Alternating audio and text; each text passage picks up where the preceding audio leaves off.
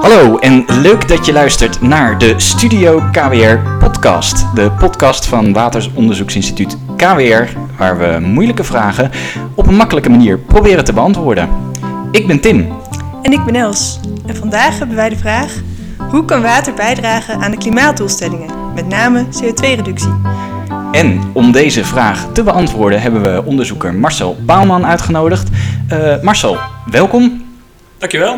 En, en natuurlijk als eerste vraag, uh, ja, wat doe je eigenlijk bij KWR? Ik ben uh, coördinator van een onderzoeksprogramma, mm-hmm. Water in de Circulaire Economie bij uh, KWR. Ja. Misschien moet ik dat even uitleggen, wat dat ja? programma dat het is. Ja, wat houdt dat in? Nou, als je kijkt naar het hele watersysteem in Nederland, dan is het op dit moment vrij lineair. Mm-hmm. En dat betekent dus dat wij water vaak maar één keer gaan gebruiken. We gebruiken het en daarna gooien we het weer weg. Uh, kijk je naar het hele water, watersysteem ook van de grote rivieren, hè, dan, dan, dan zie je dat gedrag dus ook weer terugkomen. Er komt veel water binnen in Nederland. Wij gebruiken dat even, we spoelen even de sloten door en daarna gooien we dat water weer weg. Ja. Maar je kunt, we kunnen veel meer doen met dat uh, water. Want in dat water zitten allerlei stoffen die we kunnen terugwinnen, die we kunnen gaan hergebruiken. In het water zit ook energie waar we iets mee kunnen gaan doen. En uh, veel van het zoete water, denk aan regenwater, is water van een hele goede kwaliteit. Ja, dat water gooien we nu heel snel weg. En dat water zouden we, daar zouden we veel meer mee kunnen gaan doen. Ja. Uh, ook voor functies, voor drinkwater, voor de landbouw, et cetera. Ja, en, en daar is dit onderzoeksprogramma dus eigenlijk op gericht? Daar is het onderzoeksprogramma uh, op gericht, ja. Om juist die slag te gaan maken. Ja. En dat doen we dan samen met de drinkwaterbedrijven, met waterschappen en allerlei andere partijen die in en om de waterketen actief zijn. Ja, nou, ik, ik, denk dat het wel grappig is om bij deze vraag te noemen dat misschien Els eigenlijk ook al wel het een en ander aan informatie weet. Els, kan je heel kort uitleggen wat jij bij KWR doet? Uh, ja, Tim. Ik ben uh, onderzoeker water en energie bij KWR. En dat sluit wel erg goed aan op het thema van vandaag. En uh, ik hou me heel erg veel bezig met duurzame energie, water en waar die twee bij elkaar komen. Op dat grensvlak. Dus eigenlijk zou het zomaar zijn dat jij een deel van het antwoord bent. Hebt. Het zou kunnen, het zou kunnen. Ja. ja ik weet het wel zeker. Want uh, uh, jij, doet, uh, jij zegt je doet dingen met duurzame energie. Um, is dat bijvoorbeeld ook, want het woord hoor ik veel, heeft dat te maken met de energietransitie? Dat heeft heel veel te maken met de energietransitie. En, kan je mij kort uitleggen wat dat, wat dat inhoudt, energietransitie? Ja, nou ondertussen kun je er niet meer omheen, geloof ik. Iedere krant die je openslaat, elke keer als je de radio aanzet. Zeker nu ook nog weer uh, het klimaatakkoord komt en het is doorgerekend. Maar waar gaat het eigenlijk allemaal over? Nou ja, we hebben natuurlijk op de wereld wel een probleem gecreëerd door heel veel kolen, olie en gas te gaan verstoken met um, CO2 die echt miljoenen jaren geleden al is opgeslagen in de bodem. Als we dat nu allemaal in de lucht stoppen, dan neemt dus die concentratie CO2 heel erg toe.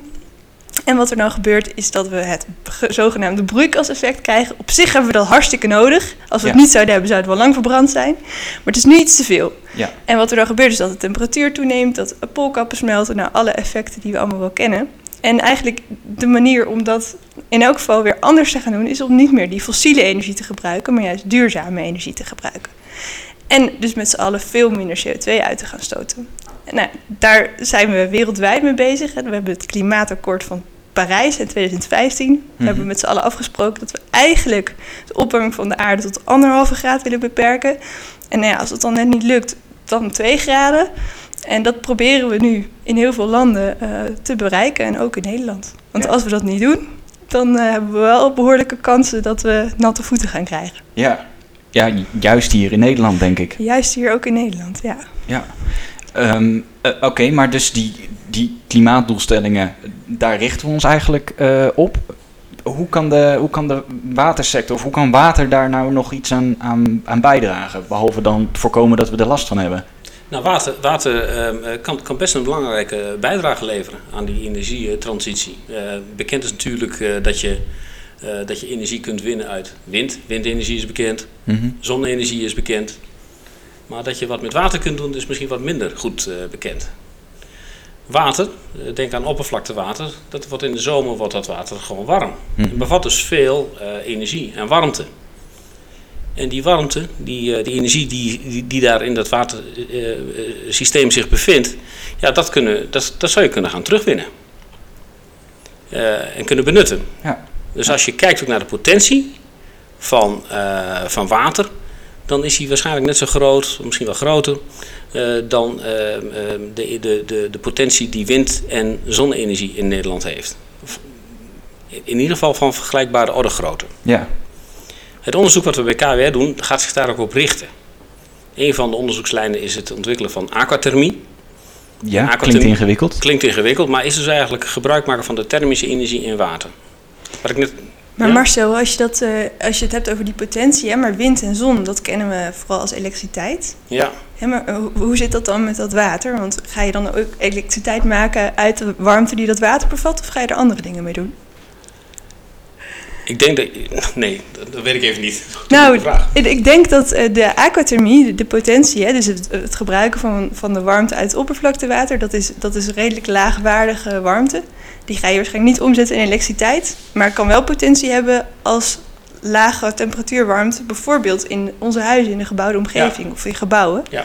Ehm, maar die zullen we niet kunnen gebruiken om de hoogovens van Tata Steel eh, van Nee. warmte te voorzien Nee. of van energie. Dus er zijn gradaties in wat voor soort energie we kunnen maken. En eh, dan water is heel belangrijk. Ja. Of zou, heeft een grote potentie, waarschijnlijk vooral op het gebied van warmte. En, de, en de waterbedrijven zelf, hoe, hoe staan die eigenlijk in de energietransitie? Vinden ze dat belangrijk? Nou, de, de drinkwaterbedrijven in Nederland die vinden, dat, eh, die, die, die vinden dit een belangrijk onderwerp. Hè, eh, want ze zijn zelf ook allemaal bezig om eh, CO2-neutraal te, te worden. Ehm, Dat is Dus- ook een van de, van de standpunten die veel eh, waterschappen op dit moment innemen Ja, voor- ik- voor de verkiezingen. ja, ja. Dus als je kijkt naar de watersector, dan zie je dus de drinkwaterbedrijven, waterschappen, die zijn hier wel mee bezig. Ja. Een punt is ook nog wel dat je op een gegeven moment ziet van ja, omdat die expertise ook aanwezig is bij drinkwaterbedrijven en waterschappen, is dat ze ehm, eh, ook de volgende stap wel eh, willen gaan zetten. Namelijk om te kijken van ja, hoe kunnen wij water ook laten bijdragen aan de, aan de energietransitie. En hoe kunnen ze de, de, de expertise die die drinkwaterbedrijven hebben en waterschappen hebben, hoe kunnen ze die expertise ook verder gaan inzetten? Ja. Dus dat gaat verder dan alleen voor het eigen, voor, voor, voor, de, voor de, de eigen organisatie. Ja. Dus als ik het goed begrijp, is dat, dat water in de circulaire, circulaire economie waar je het over had, is, is zo'n samenwerking eh, eh, om nou ja, eh, daar meer op te focussen. Ja, het is een goed onderwerp om dat gezamenlijk met elkaar verder te gaan ontwikkelen. Ja. Ja. En zou je bijvoorbeeld eh, spe- zou je specifieke voorbeelden kunnen noemen van, van eh, onderzoeken die nu hier bij KWR eh, gebeuren op dit, eh, op dit gebied van energie en water, die combinatie van die twee onderwerpen? Nou, die geef ik even door aan Els. Want ik denk dat Els het beste het overzicht eh, heeft. Ja, er gebeurt eh, best wel veel op dit gebied. Oké. Ehm, en het gaat eigenlijk allemaal rondom het thema water als energiedrager. Oké. Want nou ja, eigenlijk wat, eh, wat Marcel net ook al aangaf, zit er best wel veel potentie aan energie in water. Het kost ook heel veel energie om water bijvoorbeeld te verdampen. Hè? Goed, dus er- water kun je gebruiken als medium voor eh, energieopslag bijvoorbeeld.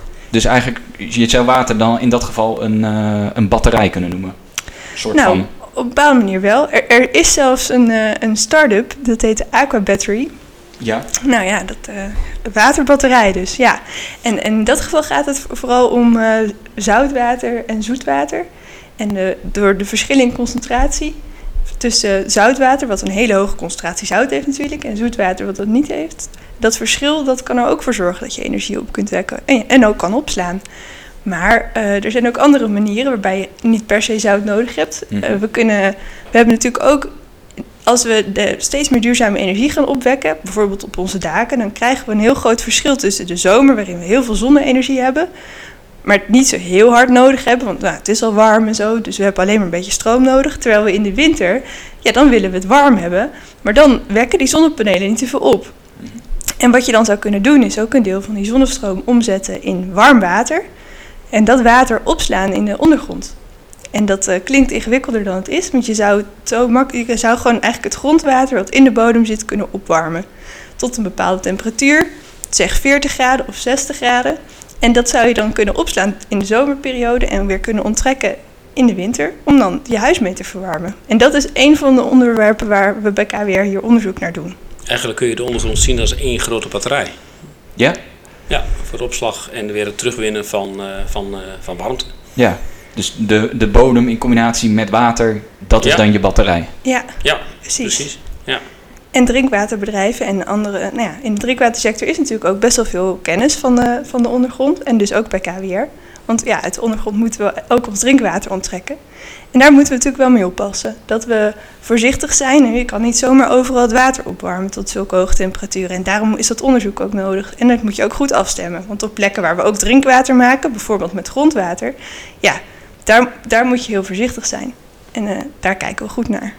Ja, want dat, is dus, dat zou dus hetzelfde water kunnen zijn. Zeg maar het, het grondwater waar je drinkwater van gaat maken en, en het grondwater wat je voor warmte gebruikt.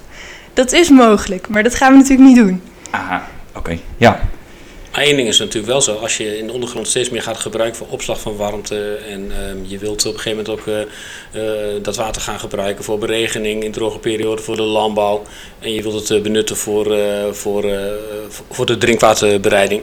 Ja, op een gegeven moment kom je natuurlijk wel in een vraagstuk terecht van ordening van de ondergrond. En hoe wil je dat, dat water ook, grondwater ook op een goede manier gaan, gaan inzetten daarvoor?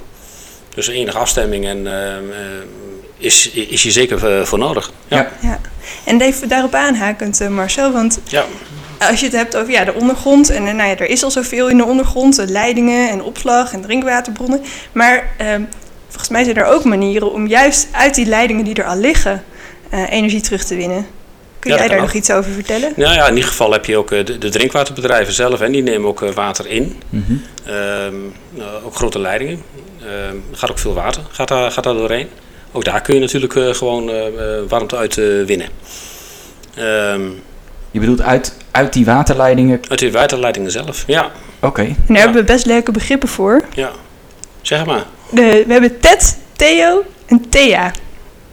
oké, dat, dat klinkt als een comedy-serie. ja, precies. Vooral Theo en Thea. Ja. wat, eh, waar, waar, staan, eh, waar, waar, staan, waar staan die namen allemaal voor? Theo staat voor eh, thermische energie uit oppervlaktewater. Ja, TED staat voor thermische energie uit drinkwater. Maar dan Ja. moet je vooral denken dus aan de drinkwaterleidingen dan. oké, ja. mhm. En eh, TA staat voor thermische energie uit afvalwater. Oké, En je kunt je voorstellen natuurlijk dat het afvalwater wat uit huishoudens komt en van de industrie komt, is dat daar ook heel veel energie in zit waar je iets mee kunt, eh, kunt gaan doen. ja. Ehm, eh, eh, energie in zit, je bedoelt omdat dat water warm is of omdat er nieuwe het stoffen kan, in zitten? Het, Of? het, het, het kan gaan om de temperatuur van het water, één. Maar er zit natuurlijk ook allerlei eh, materiaal in wat je kunt vergisten. Organische stof die Mhm. erin zit. Eh, dat, kun je, dat kun je omzetten, dat kun je gaan vergisten. En Ja. dat, dat kun je dus ook weer gaan benutten.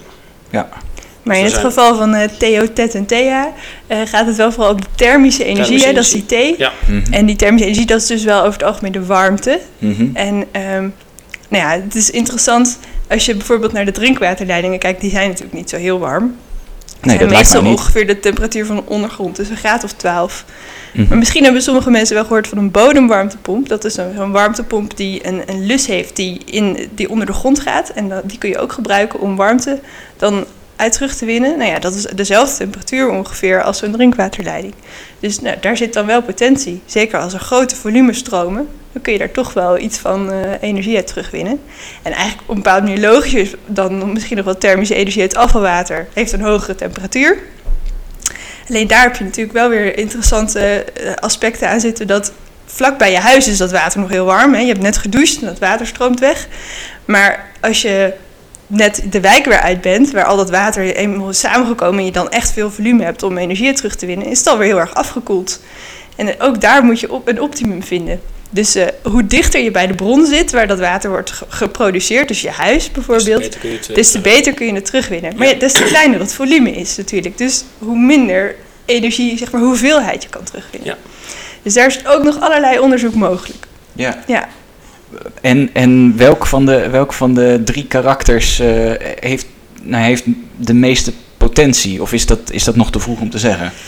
Ja, Nou, als je kijkt naar, het- naar, naar, naar het volume, dan heb je natuurlijk de, de, de meeste potentie qua volume heb je natuurlijk zitten in het oppervlaktewater. Ja. Ja. Hè, dat, dus als je kijkt naar eh, in de zomerperiode, eh, het oppervlaktewater wordt dan eh, 20, 22, 23, 24 graden. Hè. Mhm. Afgelopen zomer misschien nog ietsje warmer. ja, en dat zijn dus eh, rivieren en Er meren. zijn en zo, rivieren, er zijn ja. meren. Mhm. Dus daar heb je natuurlijk een ontzettend eh, groot volume. en Dus ook een hele grote potentie aan eh, wat je kunt, kunt, kunt winnen. ja. zeker. Ja. Ja. Ja. En dat is eh, natuurlijk eh, eh, veel groter dan, eh, dan drinkwaterleidingen die je hebt en ook de afvalwaterstranden. Ja, Ja. En in Nederland staan we, staan we aan het begin daarvan. Wij- de- de- de- daar, de, ehm, er, zijn, er zijn verschillende ehm, projecten waar het nu wordt eh, toegepast. En het is, het is echt nu het opschalen van dat, eh, van dat hele systeem. Ja. Maar goed, als je die warmte hebt, dan kom je ook in vervolgvragen terecht. Want wat je dan moet, moet gaan doen. Namelijk, je moet het ook volgens mij in een soort warmte eh, netwerk heb je dan nodig. Of, maar dat ja, weet jij waarschijnlijk als... ergens eh, naartoe. de Ja, warmte moet ergens ja. naartoe. Ja. Ja, precies. Ja, en voor warmte uit oppervlaktewater en, maar, en ook uit andere leidingen moet, moet je ook zorgen dus dat die bron weer niet te ver weg ligt van de plek waar je het wil gebruiken. Ja. En dus er is wel eens gezegd dat de potentie van thermische energie uit oppervlaktewater, als je dat water, al het oppervlaktewater in Nederland een graad af zou koelen, dan zou je genoeg warmte hebben om alle woningen en gebouwen en zo in Nederland te verwarmen. Ja. Ja, dat is redelijk, nou ja, dat, die potentie is er misschien wel, maar dat is niet, dat kost ook nog elektriciteit, hè, want die, die warmte is nog niet de juiste temperatuur voor in je woning, dus er moet nog wel energie bij.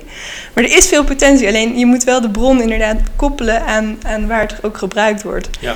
Eh, en dus heb je dan systeem ook, voor nodig. heb je ook een systeem voor nodig. Ja. en je zou dus ook eh, dingen als thermische energie uit oppervlaktewater kunnen koppelen aan een warmteopslagsysteem. Zodat je ook juist in de zomer die warmte kunt benutten, op een goede temperatuur kan krijgen en dan kan opslaan. Ja. En het dan weer kan gebruiken. En dat moet inderdaad bijvoorbeeld met een, eh, een warmtenet. Ja. volgens mij als ik het eh, heel, gl- ja, eigenlijk heel globaal samenvat, zou je kunnen zeggen dat, dat water nou, best wel een belangrijke schakel is eigenlijk om die klimaatdoelstellingen te kunnen behalen. Ja. En, en ik heb het volgens mij al een keer gezegd, misschien zou je water dus eigenlijk wel de, nou ja, de batterij van de groene energie kunnen noemen. Mag ik dat zo zeggen? Of is Ik denk dat je dat wel kunt, kunt, eh, kunt eh, noemen zo, ja. Want we hebben nog één ding wat we nog eh, niet hebben belicht, is dat water ook de grondstof is voor de, voor de waterstof-economie. Mhm. Eh, want als je, wilt, eh, als, je, als je energie wilt gaan opslaan als een batterij, ja, dan kun je dat ook doen in de vorm van, van waterstof. Ja. Je kunt dus water kun je splitsen in waterstofgas en zuurstofgas. Eh, dat moet je doen eh, door middel van, eh, van, van, van zon- of windenergie. Dus de energie moet je wel op een duurzame manier gaan, gaan opwekken. En ja, dan kun je dus op een gegeven moment dat, dan kun je waterstof produceren. En Ja. dat waterstof dat kun je ook gaan, gaan opslaan in waterstoftanks. En dat kun je vervolgens weer gaan gebruiken in huishoudens of auto's op laten rijden. Ja. Dus de potenties van water in de hele energietransitie zijn, zijn gewoon groot. Ja. Nee, ik- volgens mij kunnen we nog een, een, een, hele podcast eh, vullen eh, als we het over eh, waterstof gaan hebben. Ja, als je dat wil, dan Nou ja, dan kan vind dat ik... zeker. doen we ja. dat keer nou ja, dan eh, voor, nu wil ik, eh, ja, wil ik je bedanken voor het luisteren naar eh, Studio KWR Podcast. Eh, nou, we hebben vandaag de vraag proberen te beantwoorden: hoe kan water bijdragen aan de klimaatdoelstellingen en dan met name die CO2-reductie? Eh, nou, ik eh, noemde het al een paar keer. Water eh, ja, lijkt toch wel op eh, de batterij van groene energie. En op die manier kunnen we natuurlijk bijdragen nou, aan het behalen van de klimaatdoelstellingen. Marcel, bedankt. Els natuurlijk ook bedankt. Ja, nou Tim, hartstikke leuk om ook een keer iets te kunnen vertellen in deze podcast. Ik denk inderdaad dat in het algemeen dat je zou kunnen zeggen dat water een ontzettend belangrijke drager is voor energie. Zowel voor opslag, maar ook als, eh, als transport. Hè? Ja. En ehm, Ja. dat is denk ik heel duidelijk geworden. Ja. Volgende keer zijn we er weer met een moeilijke vraag en een slimme onderzoeker. Abonneer je op de podcast of onze nieuwsbrief via kwrwater.nl of volg ons op Twitter via kwr water. Graag tot de volgende keer. Tot de volgende keer.